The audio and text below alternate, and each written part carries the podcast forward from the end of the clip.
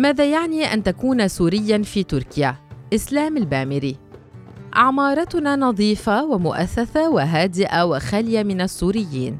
قد تبدو هذه الجملة هزلية للبعض أو غريبة للبعض الآخر لكن الحقيقة هي أنك يمكن أن تصادفها في مواقع إعلانات عن بيوت للإيجار في عينتاب أو أورفا أو إسطنبول أو غيرها من المدن التركية. أن تكون سوريا في تركيا يعني أنك مواطن بدرجة ضيف ثقيل. أنت حرفيا ضيف ثقيل في نظر الجميع. بدءا من بائع الخبز الذي يسألك صباحا إن كنت سوريا أم لا. كلما لاحظ اختلاف لهجتك هو سيبيعك الخبز في كلتي الحالتين لكنه سيقرر إن كان سيبيعك إياه مبتسما أو مرفقا بنظرة امتعاض وتأفف وصولا إلى رئيس الجمهورية الذي يستعمل أزمة اللاجئين كورقة ابتزاز للاتحاد الأوروبي والمعارضة التي تعد علنا طرد السوريين أسمى بنود برنامجها الانتخابي أتدري ماذا يعني أن تدرس وتعمل وتخرج وتحلم وتتزوج في بلد من فيه كلهم يتمنون رحيلك؟ صحيح أن العنصرية موجودة بدرجات متفاوتة في أغلب بلدان العالم، لكن ما تنفرد به العنصرية التي يواجهها السوريون في تركيا كل يوم هو أنها عنصرية صريحة ووقحة ومبررة. يرى بعض الأتراك أن السوريين لم ينجحوا في إخفاء هويتهم الصارخة، يتكلمون التركية بلكنة واضحة ويتحكون بمعدل أعلى من متوسط معدل ضحك المواطن التركي ويسهرون كثيرا ويعملون بأجور أقل. فيما يرى البعض الآخر أن السوريين يستحقون هذه المعاملة لأنهم يعيشون حياتهم بشكل عادي فيتزوجون ويقيمون الأفراح وأعياد الميلاد وحفلات الخطوبة على الرغم من أن بلدهم في حرب أو لأنهم ببساطة ليسوا أتراكا ولن يكونوا كذلك أبدا حتى لو حصلوا على الجنسية لأن العرق التركي عرق مميز وراق وكون أنهم حظوا بامتياز العيش مع هذا الشعب المتفوق مؤقتا على الأرض نفسها فذلك في حد ذاته امتياز لا يمكن أن تطالب بعده بامتيازات أخرى كأن تتم معاملتك بتساو كمواطن لنخرج من الأطر النظرية التحليلية لظاهرة العنصرية ونتكلم عن مدى تغلغلها في التفاصيل اليومية لحياة السوريين في تركيا.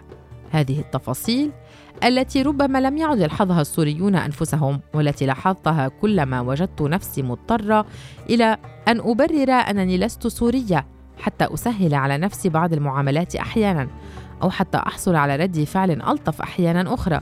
ووجدت نفسي لا اراديا وقد صرت أعد كوني غير سورية امتيازا أخرج به نفسي من مأزق الأحكام المسبقة التي تلاحق السوريين كلعنة. وصرت أتساءل لماذا لا يسعى أحد من المنظمات الحقوقية أو الناشطين في المجتمع المدني إلى تغيير هذا السلوك المجتمعي أو التصدي لمسبباته؟ لكنني اكتشفت أن للموضوع خلفيات اجتماعية وسياسية وتاريخية يطول شرحها وهي لا تعنيني مباشرة بقدر ما يعنيني تأثيرها على مدى صعوبة تحقيق أي تغيير. كيف يمكن أن تحدث تغييرات طويلة الأمد؟ ضمن مجتمع يؤمن إيمانا تاما بأن وجود السوريين في تركيا هو وجود مؤقت.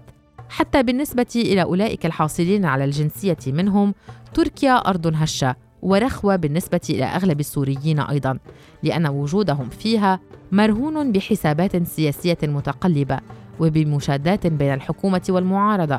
أتدري ماذا يعني أن تكون معاناة تهجيرك ورقة دعاية حزبية رخيصة؟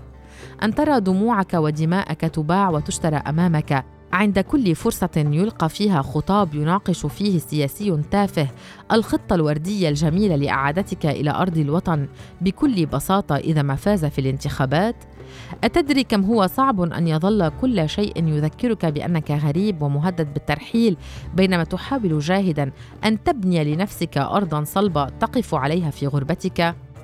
إن أوضع ما في الأمر هو أنهم مقتنعون تماما بأنك تملك خيار العودة إلى وطنك الهادئ المسالم لتعيش في استقرار وهدوء ولكنك تختار بكامل إرادتك كلاجئ أن تبقى لأنك تريد ذلك بكل بساطة. لا يقتنع أصحاب الأفكار العنصرية أن السوريين لا يمتلكون رفاهية الاختيار حتى والحقيقة أن الوقائع واضحة وجلية لمن يريد أن يراها لكن التحيز للطرف العنصري والترويج لمثل هذه المغالطات أسهل لأولئك الذين يتبنون علنا أو ضمنيا نظرية تفوقهم القومي أو العرقي لأنه ببساطة يعطيهم شعورا داخليا بالرضا والتبرير لكل ما قد يصدر عنهم من تصرفات ومواقف عنصرية.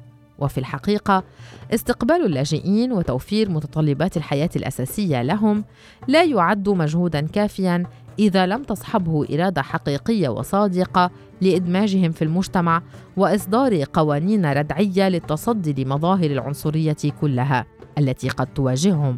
والأهم إخراجهم من المزايدات السياسية كلها ومعاملتهم فعليا كمواطنين متساويين في المواطنة وهو ما يفتقر إليه السوريون في تركيا حاليا.